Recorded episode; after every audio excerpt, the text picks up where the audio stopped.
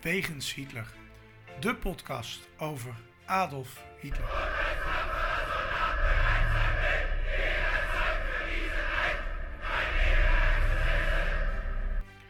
Dictator, alleenheerser van 1933 tot 1945.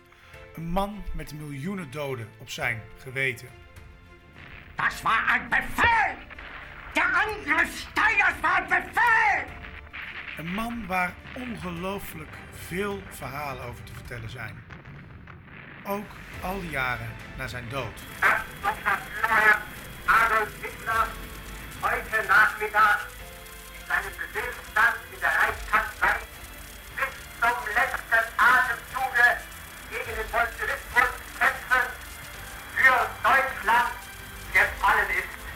deze podcast gaan Sjoerd de Boer en Niels van Andel de wegen van Hitler af. Ze kijken naar bijzondere plekken, naar vroeger, naar nu.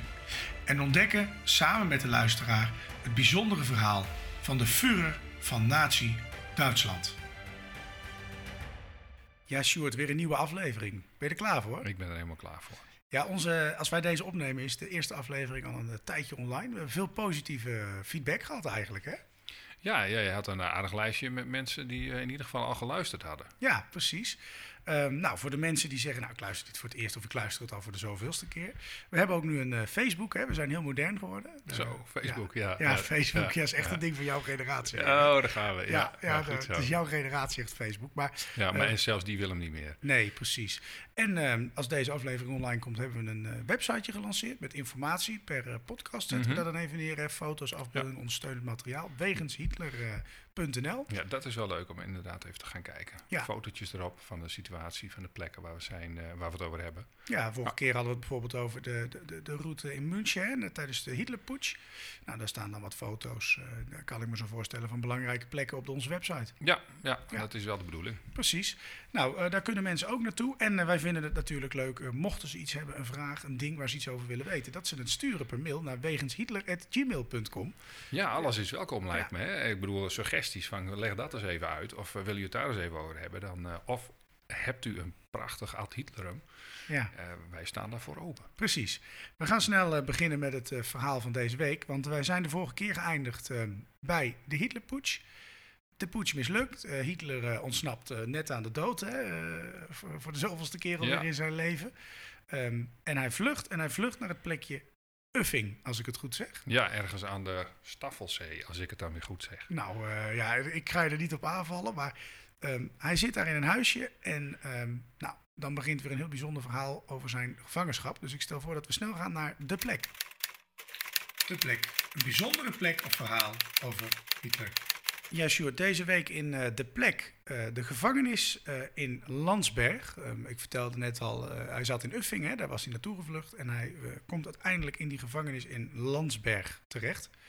Ehm, ja, wat is er allemaal gebeurd met, nou, ik wil bijna zeggen onze kameraad, maar onze, onze leider. Ja, ja, we gaan eerst even terug naar Uffing als je dat goed vindt. Nou, Dat- vooruit, dat begint, eh, het begint voordat hij daar in die wel leuk. gevangenis zit. Ja, Ja, weet je, hij, hij, hij zit dan in een huisje van, van een. eh, die, kijk, we hebben hem vorige keer al een keer genoemd, Poetsie Hanfstengel. Het is zo leuk om die naam uit te spreken. Hè? ja.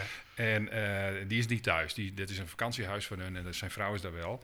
En daar wacht hij eigenlijk op een auto. Het is eh, inmiddels 11 november als hij daar is. En eh, ja, eh, ze, ze willen er, eh, hij wil er vandoor. Hij wil daar niet blijven. De politie die zoekt hem al. En weet ook van Uffing, want ze weten ook wel van wie zijn vrienden zijn en waar die huizen hebben. Dat kun je makkelijk vinden natuurlijk.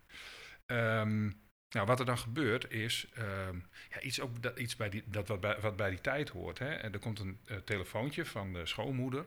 Die woont daar in de buurt, in dat dorp, in, in, in, in eh, Uffing. En die belt die vrouw van, eh van Poetsie, belt hij op. Helen heet ze. En die zegt van ja, de politie is in de buurt. Waarschuwt haar, hè. Maar de politie luistert mee. Je hebt dan nog van die centrales waar de telefoonlijnen allemaal langs Echt gaan. doorverbonden wordt, hè? Ja, Ja, en dus de politie grijpt ook in, in het gesprek en vraagt Helen, Helen Stengel van, hé, hey, waar zitten jullie dan? Eh, ja, nou ja, en dan geeft ze het adres, want ze kan niet anders, want ze weet dat het de politie is. ja, precies. Nou ja, en dan hangen ze eigenlijk. Ze was Want- niet verkeerd verbonden helaas, begrijp ik. Nee, nee, nee, nee, dat had ze kunnen faken of zo, maar eh, ik weet het niet. Ik denk dat ze dat wel wisten. Zoveel telefoons had je nog niet in die tijd natuurlijk. Eh, ja, en dan eh, loopt ze naar Hitler, die staat op een verdieping hoger. En dan vertelt ze van, ja, de politie komt eraan. En dan, eh, dan krijg je een soort Hitleriaanse reactie. Eh, misschien een beetje melodram, dram- dra- melodramatisch. Ehm, hij wordt helemaal depressief. Eh, eh, heeft het over zelfmoord. Heeft ook een pistool bij zich. En eh, ja, dreigt dan natuurlijk een beetje met zelfmoord. Maar goed, die Helen die pakt dat pistool af en legt dat weg. Er is sprake van een verhaal dat ze met een jiu-jitsu-schop dat pistool uit zijn hand... nou ja, een dramatisch, prachtig film. Zoals scène. alles om Hitler altijd heel dramatisch en heldhaftig werd. Heeft ze zelf nooit bevestigd dat dat zo was. Ze heeft dat pistool afgepakt. Ja, ja, ja, jammer hè. In de film zou ik het doen. Ja, Dus mochten ze deze podcast gaan ver- verfilmen, dan, dan doen we die erin. Hè? dat zeggen we alvast tegen onze investeerders. Mochten ze luisteren, Ja, die- precies. die ja, staat. ja. Ja. Nou ja, zij grijpt in, legt dat pistool weg. En dan arriveert ook de politie daar bij dat huisje. Ehm, die zijn trouwens hartstikke respectvol naar Hitler. Want de helft van die politiemacht is inmiddels al partijlid. Dus eh, weet je, dat, dat ligt. Maar ze arresteren hem wel, nemen hem mee. Zijn nog steeds loyaal aan de staat. Ja. Ja, nou ja, ja, tuurlijk. Ja. Het is ook een baan natuurlijk. Eh, eh, Hitler gaat ook rustig mee. En dan een uur later dan eh, arriveert toch nog die auto die hem naar Oostenrijk had, had kunnen brengen. Maar ja, dus een uur te laat. Te laat. Ja, Ja. Hitler is al gevangen genomen. Precies. Gaat Hitler direct nadat ehm, hij eigenlijk gevangen is genomen, hè, meegenomen is door die politie naar, een, naar de gevangenis in Landsberg? Of waar komt hij nou uiteindelijk terecht? Ja, ja je kan natuurlijk ook via een politiecel gaan of weet ik veel wat allemaal. Maar hij schijnt direct naar Landsberg te zijn gegaan. Eh, ja, daar zit hij eh, meteen goed. Hij zit in een soort eh, beroemdhedencel. Eh, tweede verdieping, cel nummer 5. Als je daar in de buurt bent, je komt niet binnen. Ik heb het geprobeerd. Eh, dat moet je regelen. Eh, als je van een omroep bent of van een podcast, misschien kunnen we eens een keer proberen om daar binnen Nou, we te zijn komen. nu pers. Ik vind dat wij toch toestemming Nou moeten ja, kunnen daarom. krijgen. Daarom, ik was daar met mijn familie toen en ik stond daar foto's te maken. Dat vonden ze al te veel. Oh, Ehm, maar ja, dat kon je van de openbare weg ook doen. Dus dat vond ik prima. Ik had een goede lens bij me. Ehm, ja, hij, de- de- hij had de grootste cel. Ehm, eh, veel licht, grote ramen, alles had hij. eh, Een bed, bureau. eh, nou ja, het is niet voor niets een beroemdhedencel. Mhm. Hij zit daar in die cel, hè? Ehm, hij, eh, nou, hij is gevangen. Het is, nou, het is wel een niet onaangenaam verblijf, zullen we maar zeggen. Nee. Maar is het nu gedaan met Hitler? Is hij ja, van het toneel verdwenen na zijn mislukte putsch? Ehm, ja, dat gevoel heeft hij even. Eh, er komt eh, eh, een openbare aanklager, die komt en die wil met hem praten over, de, over, de, over, de, over het proces. Hè. En die wil hem ondervragen, maar Hitler die is, is, nou, is, nog ja, is zeg maar weer in een, depressie geschoten. Hij wil niet. Hij vertrouwt de advocaten ook niet en besluit in hongerstaking te gaan. En dat weten heel veel mensen niet dat hij dat gedaan heeft, maar dat doet hij daar dus ter plekke, in een dag of tien. Ehm, en dat is eigenlijk een heel interessant gegeven. Want als je. Eh, ja, ik heb een paar jaar geleden kwam er een boek op de markt met Mhm. alle gegevens van, eh, de, eh, uit de gevangenis van Landsberg. Dat houden ze bij van alle gevangenen en ook, dat, ook van Hitler. En dat hebben ze gebundeld en daar is een boek van verschenen. En daar staat precies in hoe dat, hoe, nou ja, dat hij gewogen is en dat, wat zijn gewicht is. En dan pak ik er even een briefje bij. Daar staat die hongerstaking staat er ook in, met de datum erbij van 14 tot 24 november 1923. Bij aankomst woog hij 73 kilo. En dat was al 68 kilo- kilogram geworden op 24 november 1923. In tien dagen vijf kilo afvallen. Ja, Ik zou er een moord voor doen. eh, is mij ook een keer gebeurd, maar eh, daar wil ik het niet over hebben. Nee, precies. Nee, nee, hij, Nee, eh, hij valt dus flink af. Ja, en wat het leukste is, in diezelfde notitie, Mhm. dat is even een zijpaadje hoor. Ja. Daar vinden we iets en dat heet eh linkszijdiger cryptorgismus. Zo, nou, een hele mond vol. Eh, dat is geconstateerd bij medisch onderzoek. En weet je wat het is? Nee, Eh, Nou, wat is het standaardverhaal over Hitler?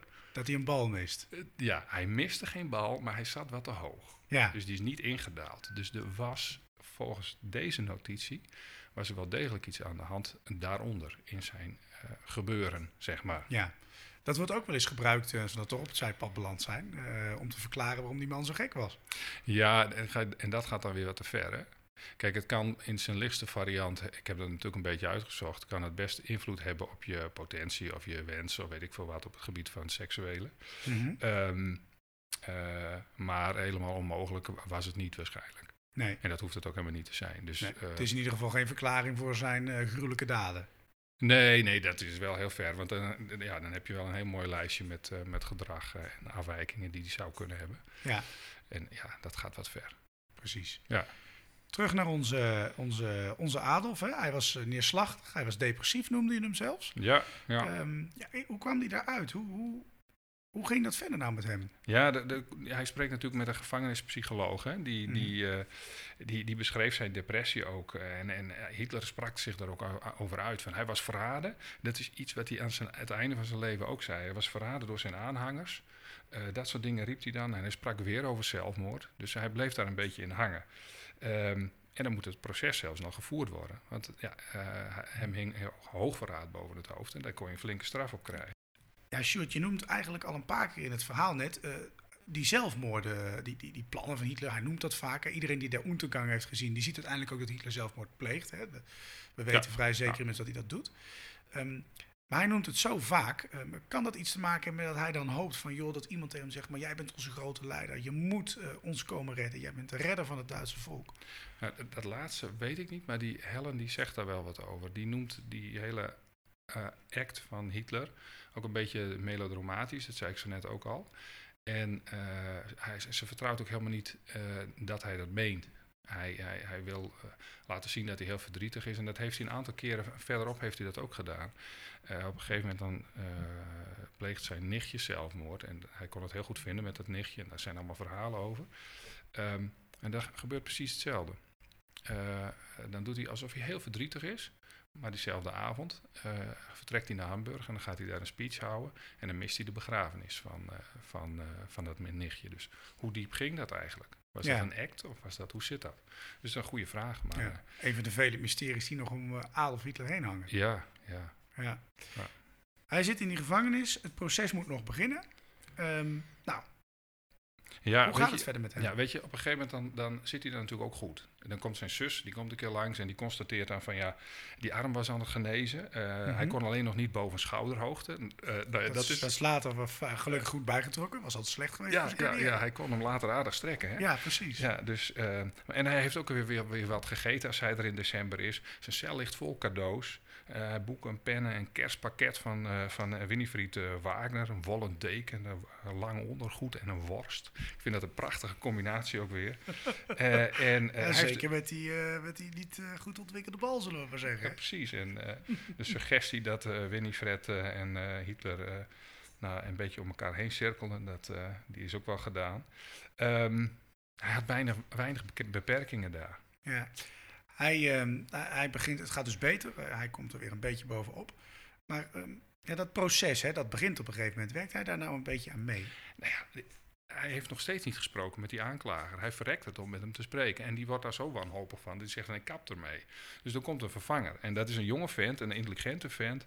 En ehm, eh, die heet eh, Hans Ehart. En die neemt dat over. En precies hetzelfde gebeurt. Een heel moeizaam gesprek. Eh Hitler draait zich op een gegeven moment zelfs om. Eh, en zegt van, joh, ik wil niks van jou weten. Ik, eh, ik vertrouw jullie niet en eh, zoek het maar uit. En dan ineens heeft hij een inval. Zegt hij van, wacht eens even. Hij kijkt naar de, de stenograaf die erbij zit en stuurt Mhm. hem weg. Hij, Ja. Zijn pen en papier doet hij in zijn, in zijn tas. Hij zegt, ik doe alles weg. Ehm, eh, we schrijven niks op.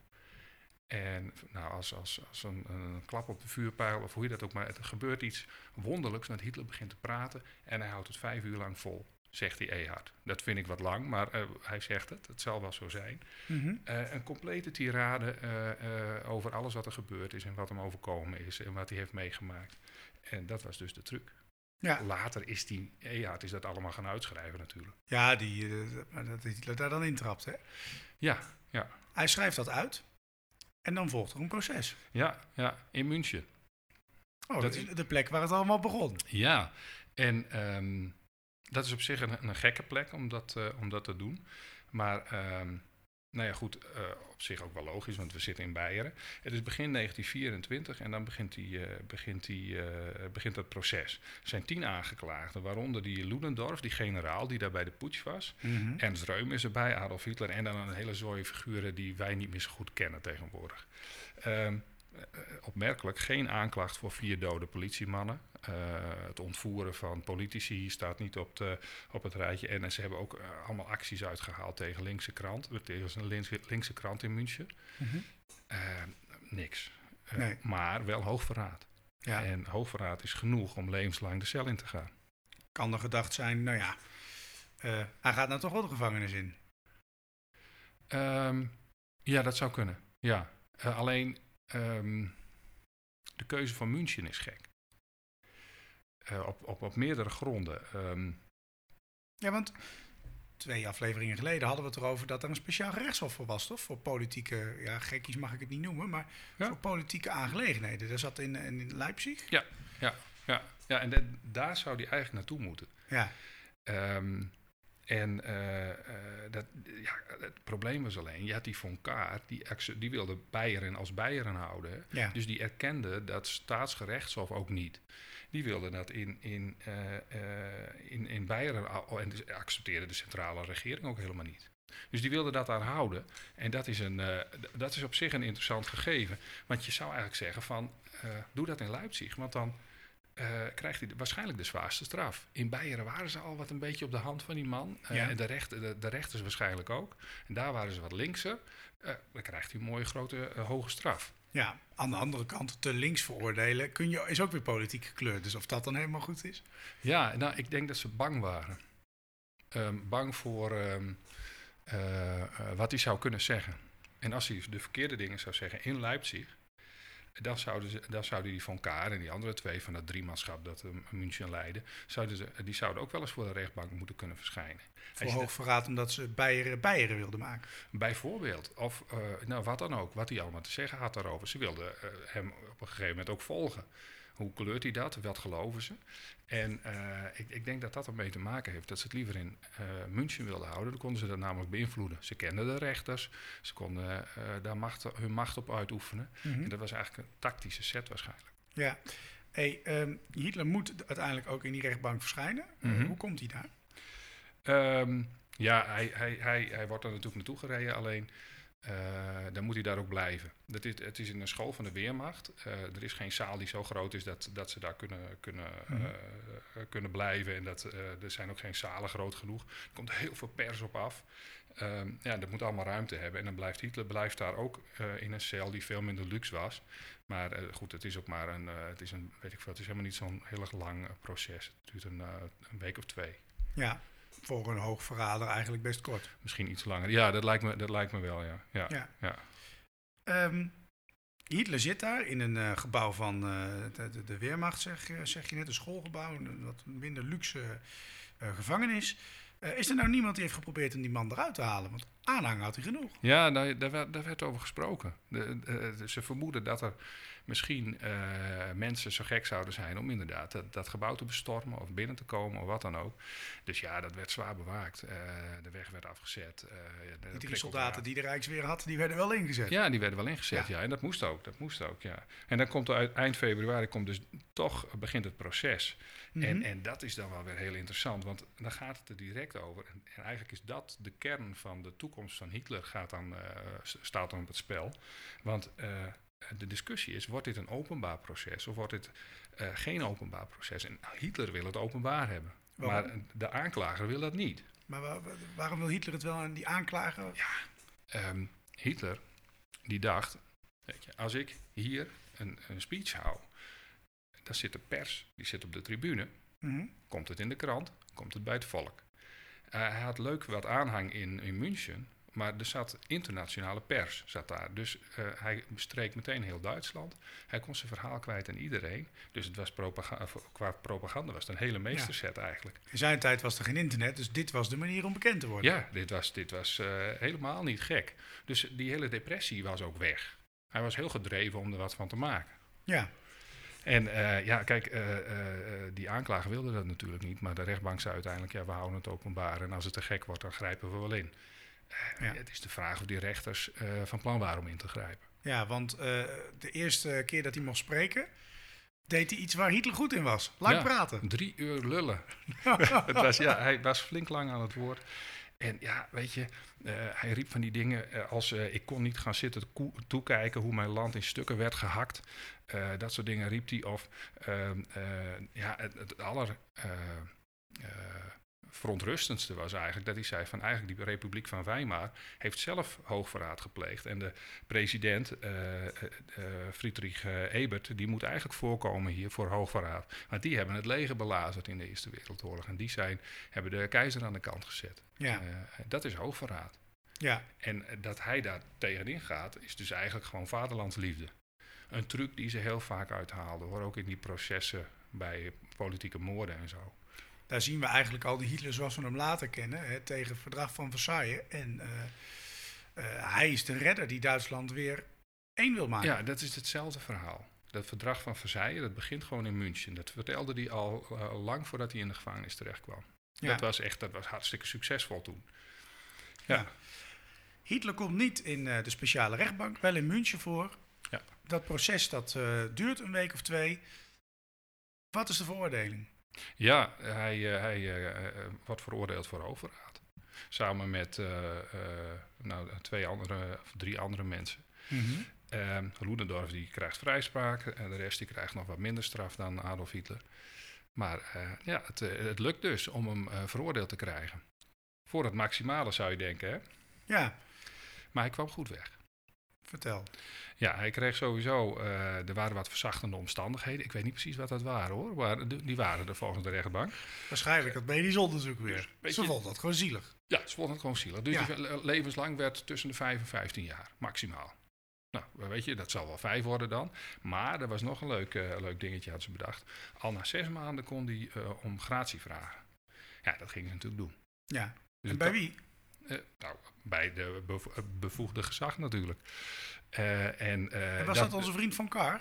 Ehm, nee, volgens mij, nee, dat denk ik niet. Dat, dat gaat buiten hem om. Want de rechtmacht, rechterlijke macht was natuurlijk wel gescheiden van de, van de politieke macht. Ja, oké. Nog. En dat zou Hitler wel veranderen natuurlijk. Die Ja. bracht dat wat dichterbij. Ja, een gezellig... subtiel, ja, dat ja, ja, was een gezellig kliekje, ja. Ja, precies. Maar dat, is, dat, dat gingen ze natuurlijk direct doen, hè. Ja, precies. Komt die ook na zes maanden vrij uiteindelijk? Eh, dat komt hij uiteindelijk wel, ja. ja, ja. Ehm, eh, maar hij gaat eerst, eerst moet hij natuurlijk eh, die cel nog weer in. Hè. Ja, Hij gaat terug naar Landsberg. Hij, van München gaat hij terug naar Landsberg. Hij komt weer in een grote cel terecht. Ehm, die is misschien nog mooier. Cel nummer 7 dit keer. Hij heeft Mhm. zicht over de muur. Hij ziet het platteland. Hij ziet auto's voorbij eh, rijden. Zijn medestanders zitten daar. Een, eh, Emiel eh, Maurice en Rudolf Hess, die zit daar ook. Die komen veel bij hem. ja Rudolf Hest, ja, de- de- de- eigenlijk totdat hij vluchtte naar Engeland de nummer twee hè, van de ja, nazi-partij. ja, en Maurice was zijn chauffeur en zeg maar, hij, die knokte altijd voor hem. Eh, als er weer een knokpartijtje was tegen communisten, was Maurice die stond vooraan en die tikte de meeste eh Die ging graag communisten mee. neer. Ja, die hield daar wel van. Ja, hij had allerlei privileges. Dat is heel interessant om te zien. Ik heb daar eens even een lijstje van gemaakt. Hij mocht vanaf zes uur vrij rondlopen. Hij kreeg ontbijt in een zaal en dat werd dan door de medegevangen werd dat gemaakt. En na- ruimde alles ook weer netjes voor hem op. En eh, hij mocht sporten, hij mocht gimmen. Hij, eh, er waren bokswedstrijden. Die Maurice bijvoorbeeld, die raakte in een bokswedstrijd. En die, eh, nou, die sloeg een andere bokser. Beide waren ze aan elkaar gewaagd. Bijna sloegen ze elkaar allebei tegelijk knock-out. En Mhm. een andere gevangene die zag dan Hitler en die moest zo hard lachen. Hij zei, ik heb hem nog nooit zo hard zien lachen. Die hield wel van humor, begrijp ik. Maar, ja. maar ja, weet je, en daarna ging hij wandelen door de tuin en dan kreeg hij zijn post en dan ging hij de post lezen. De medegevangenen gingen op een gegeven moment opstaan als hij binnenkwam voor de maaltijd tussen de middag of s avonds. En dan ging ze pas zitten als hij binnen was. Dus er was een hele act om hem heen eh, gemaakt. Ze hadden een illegaal krantje. De Führercultus was eigenlijk al in die gevangenis. Ja, die zat daar gewoon volop, eh, eh, die was daar volop aanwezig, ja. Ja, Ja. klopt. Ja. Nou ja, dat verhaal. Ehm, ja, ze, ze eindigden s'avonds zelfs met wat nationalistische liedjes. En dan een ziek huiltje en dan gingen ze slapen om tien uur, dan moest het licht uit. En dan op een gegeven moment wilde Hitler wat langer opblijven. En dat was prima. Dan ging dat licht bij Hitler ging nog wat langer aan. Fantastisch Ja. eigenlijk. Als je erover nadenkt, kom je dit... Ja, fantastisch zeg ik, maar eigenlijk van de zotte eigenlijk is het goede Ja, joh, dat dat ja, kon. ja, maar goed, die, die, die cipiers, waar stemden die op? Op Hitler, denk ik. Als ze mochten stemmen. Ik bedoel, eh, eh, ze volgden hem in ieder geval. Ja. Ehm, Hitlers toespraken, hè, die ook in de gevangenis werden gebruikt, die zijn uiteindelijk ook in Mein Kampf terechtgekomen, toch? Ja, ja en dat is, dat is wel een, een, een sleutel naar het eh, begrijpen van de stijl van mijn kamp een beetje. Eh, hij, hij kreeg op een gegeven moment, in, in mei kreeg hij steeds minder bezoek. En dat, dat was ook eh, bedacht, want hij was bezig met een boek en dat liet hij dan ook weten. Hij bemoeide zich niet zoveel met de partij. Daar is ook Nee. een tactiek achter, want hij wilde Ehm, eigenlijk had hij iemand aangesteld eh, als hoofd. En dat was niet zo'n hele sterke, eh, sterke figuur. En die Hmm. maakte een beetje een rommeltje van.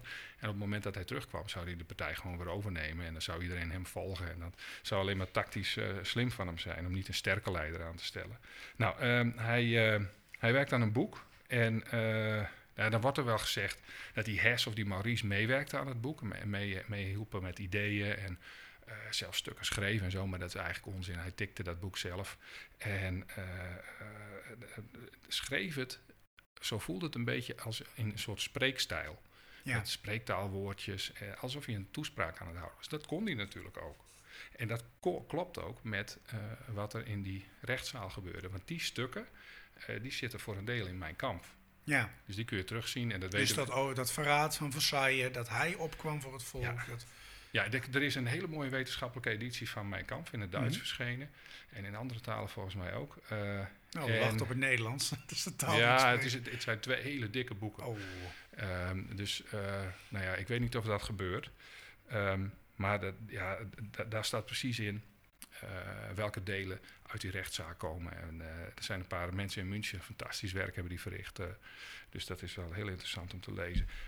Wat wel leuk is, en dat is misschien voor de mensen die luisteren ook leuk, is een soort eh, cryptisch zinnetje uit mijn kamp. Heb Ja. ik even meegenomen. ja. Ehm, eh, nou ja, ik, hoop, ik hoop dat je herkent wat er allemaal fout in is. Er is iemand die heeft dit zinnetje gelezen Ja. en die zei van, eh, je kunt er een essay over schrijven hoeveel fouten hierin zitten. Dat was een tikje overdreven, maar ik zal hem voorlezen. Dit gaat over een vijand van, van Hitler en hij zegt dan, of hij schrijft dan, hij die niet zelf in de klauwen van deze wurgslang gegrepen heeft gezeten, zal nooit zijn giftanden kennen.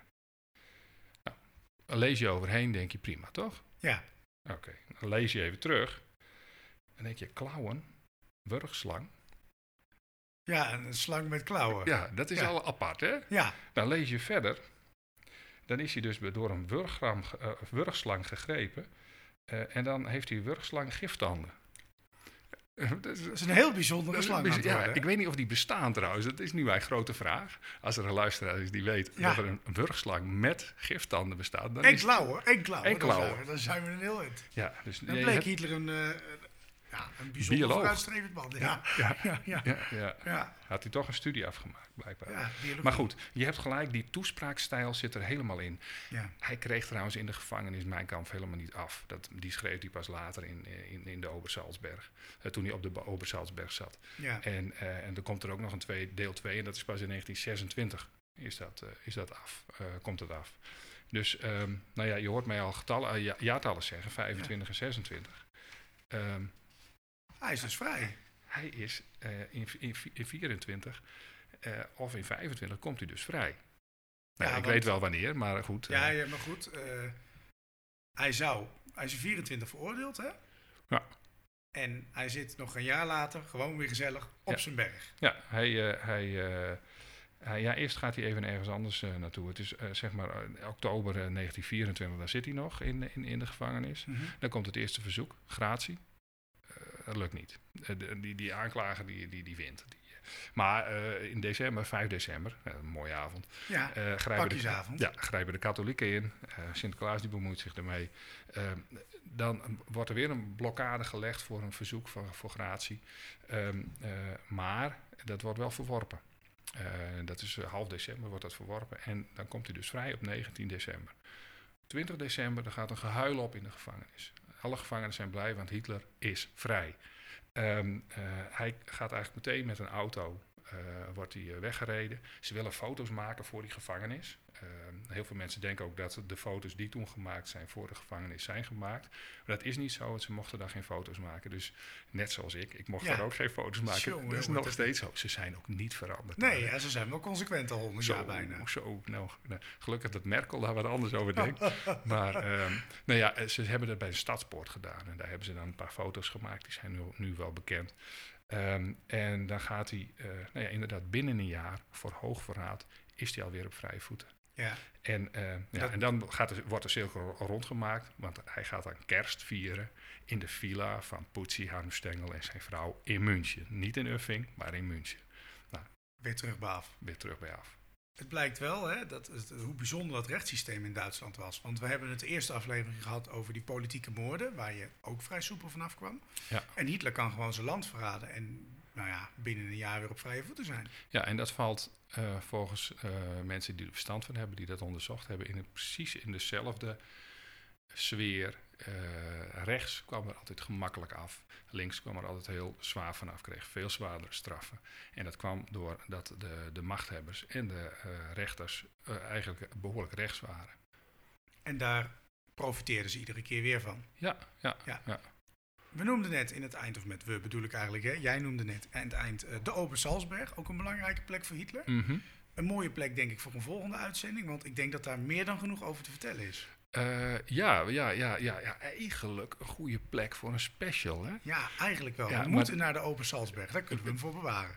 Ja, ja dat kunnen we doen. We kunnen, maar er valt genoeg over te vertellen, dus Ja. we kunnen ook en-en doen, hè? En-en. Laten we eerst maar eens... uh, ik vind het een goed onderwerp. Goed om wat over te vertellen. En Ja. dan blijven we ook lekker in de verhaallijn, want we zitten goed op weg naar die machtsgreep uiteindelijk. Ja, ja. Dus uh, ja. dan zijn we in 1925 nu geëindigd, dus uh, we gaan de goede kant We op. gaan de goede, ja, ja, de ja, goede, de goede goede kant, op, je. ja. ja. Maar je goed, moet wel uitkijken, jongen. ja, ja, voor je dit weet, want je hebt allerlei sympathieën opgepakt. Ja. Ehm, maar Binnen het we- verhaal gaan wij de goede kant op. binnen het verhaal gaan wij de goede kant op in. Het Het wordt steeds spannender. Het wordt steeds spannender. En uh, nu we het toch hebben over een beetje foute vergelijkingen, we gaan snel naar de Ad Hitlerum. De Ad Hitlerum, het onjuiste gebruik van Hitlers naam. Ja, Sjoerd. ehm, nou, als wij deze uitzending opnemen is het een week geleden, maar het is al even weer een paar weken geleden als die online komt. Maar ik, ik vond me toch een leuke Ad Hitlerum. En ik zeg leuk, ja, ik zeg het echt met een glimlach op mijn gezicht, omdat ik zit er te kijken met plaatsvervangende schaamte. Maar het is Forum voor Democratie. Oh, Het durf een- je dat aan? ik durf het aan. Ehm, jij hebt wel geadviseerd toen we dit even voorbespraken onze adressen niet bekend te maken bij eh, het publiceren. Deze of gene. Ja, precies. ja. Ja, ehm, het was een Kamerlid van ehm, ja, Forum voor Democratie. En eh, het leek mij goed om even het stukje van het bewuste Kamerlid eh, even te gaan eh, laten horen. Dus start de band. Nou, het doet mij oprecht pijn, oprecht, dat ik moet constateren dat de regering zich op dit moment opstelt als vijand van de bevolking. Voor het eerst sinds de Tweede Wereldoorlog hebben we weer een regering die wetten voorbereidt op grond waarvan een staat van apartheid wordt gecreëerd, waarin mensen worden buitengesloten van het sociaal-maatschappelijk leven.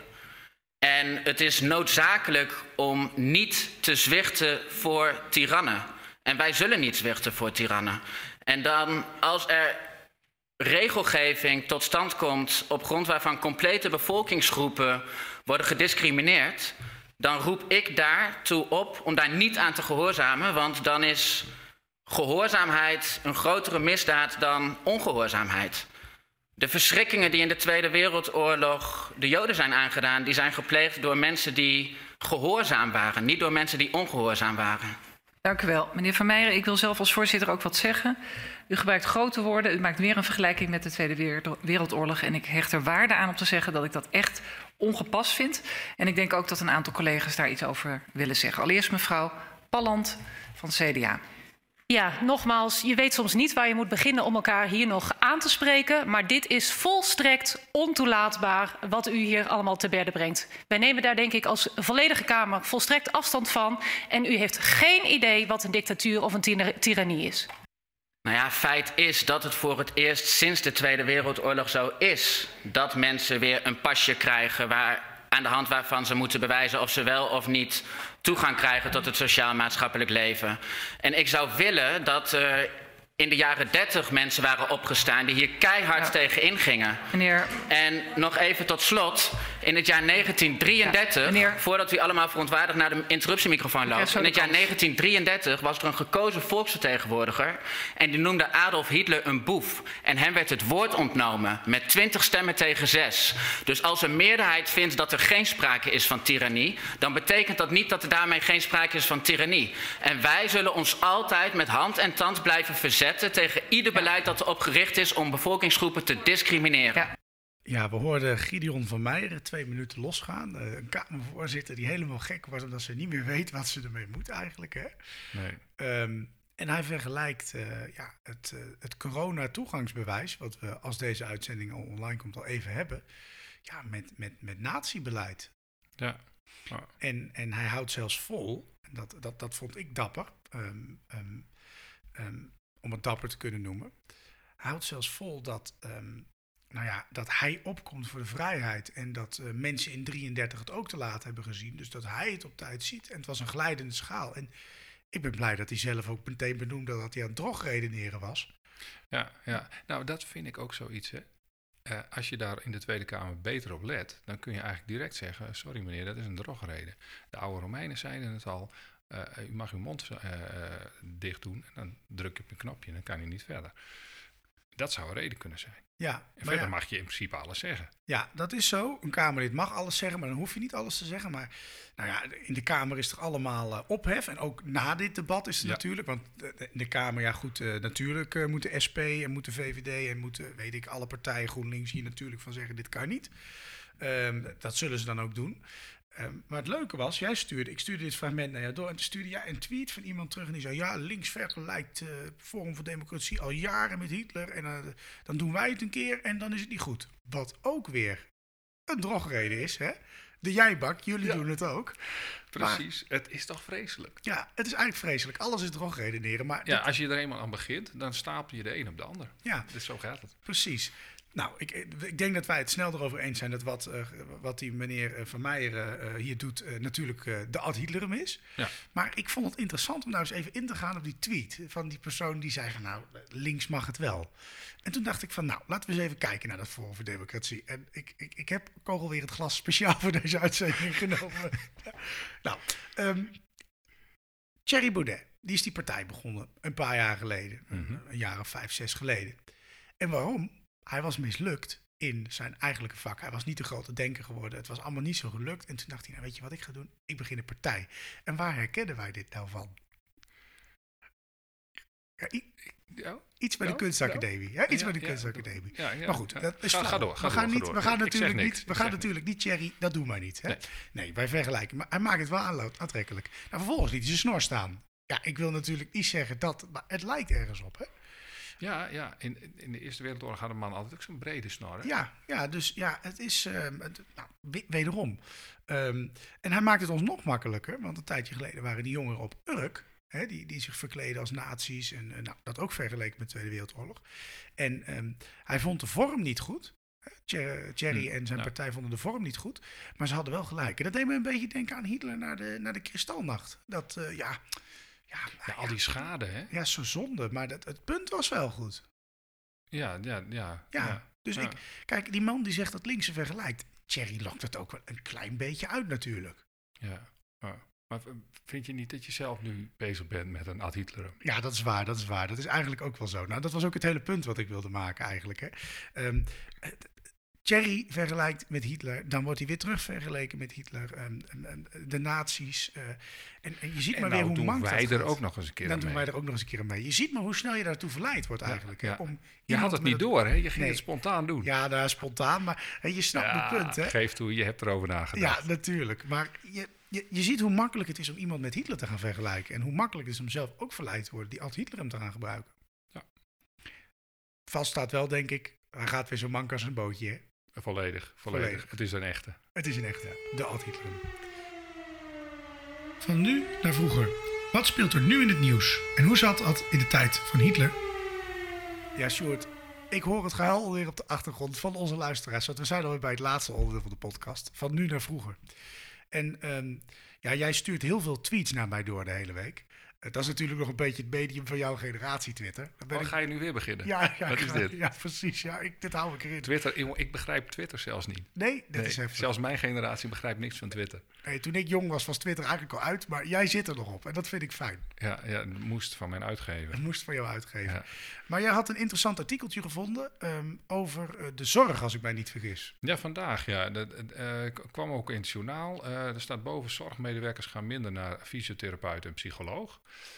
Eh, dat klinkt heel positief, hè? Maar het, eh, het, het is Dat was waarschijnlijk een artikel uit de Telegraaf, want de Ehm, titel sloeg nergens op. Nou ja, eh, nou ja, goed. Het, blijkt wel dat het wel redelijk klo- klopt. Het, komt van NOS-radio, toch ook een beetje van die mainstream media die je altijd moet wantrouwen volgens bepaalde partijen. Ehm, maar dit vond ik wel betrouwbaar hoor.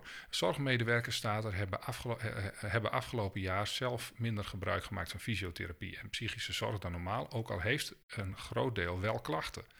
Eh, we zien dat zorgmedewerkers zichzelf hebben weggecijferd om de zorg tijdens de pandemie maar te blijven leveren. Het is eigenlijk heel verontrustend. Ja, en nou, eh, jij las dat en eh, stuurde dat naar mij door. En toen kwam bij mij de vraag op, ja, overbelaste zorg. Hoe was dat in de tijd van Hitler, in de laatste maanden van het Derde Rijk? Ja, het, het mooiste om te vergelijken, of het ergste om te vergelijken, het ligt maar hoe je het, hoe je het bekijkt. En Duitsland ligt natuurlijk in puin op een gegeven moment in 1945. Overal waar oorlog is, zijn zorg, eh, mensen die zorg verlenen en die, die, die lopen vooraan en die doen gevaarlijk werk. En die zijn eigenlijk altijd eh, de dupe van, van, van gedonder en van crisissituaties. En Mag dat er zie je nu- officieel niet op schieten ook, hè? Dat geloof ik staat zelfs in Ja, het maar ja, weet je, als er een bom valt, valt er een bom. Ja, precies. Eh, zij zijn er altijd bij betrokken. En eh, dus op het moment van crisis zijn zij altijd nou, de Sjaak, zeg maar.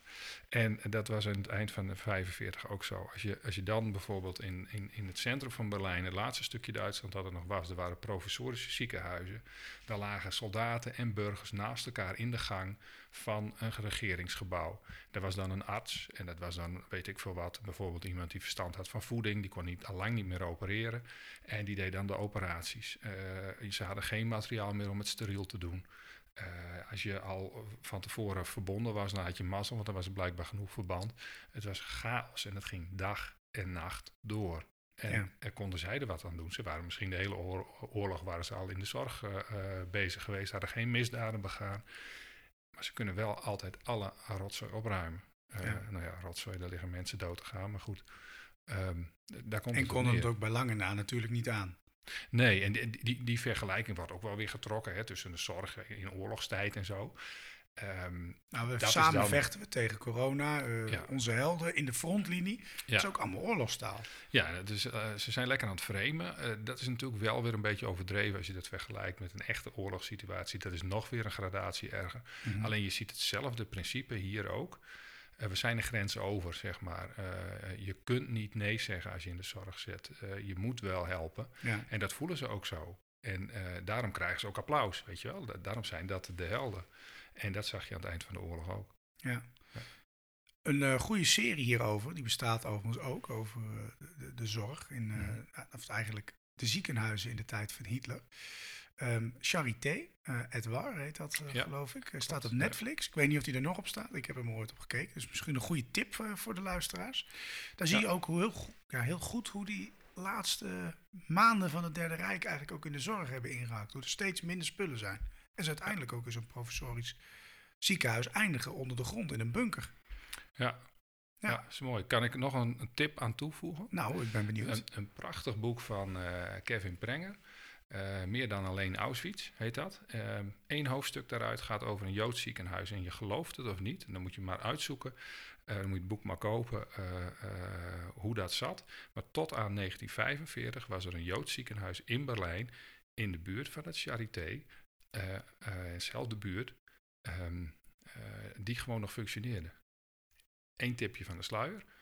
Joden mochten niet in gewone ziekenhuizen verpleegd worden. Dus er moest een Joods ziekenhuis blijven. Mhm. Dat is de reden waarom dat gebeurde. Maar het is heel apart. In het hol van de leeuw zat nog een Joods ziekenhuis. Ja. Daar vertelt hij meer over. Nou ja, ik, ik heb een hele hoop vragen hierover nu, maar dat ga ik dan maar niet Nee, doen. nee, Ik- doe het niet, Ik, wil veel niet. vragen, maar special waardig. Ik heb het boek in de kast. Je kunt het van me... eh, oh nee, dat mag niet. eh, sorry, meneer Breng. nou ja, in ieder geval bedankt voor de tip. Ik denk, eh, nou, weer interessant verhalen ook eh, gehad voor onze luisteraars deze uitzending. Volgende keer dus op, nee niet op, maar over de Oversalzberg. Ja. En eh, nou, we gaan we ook nog een keer op de Oversalzberg doen. Dan. Misschien gaan we wel jodelen. Jodelen, nou, dat, eh, ik ben benieuwd. Ik weet zeker, dan worden we een kaskraker en worden we uitgenodigd bij Op1. Ehm, voor nu zeg ik bedankt voor het luisteren en tot de volgende.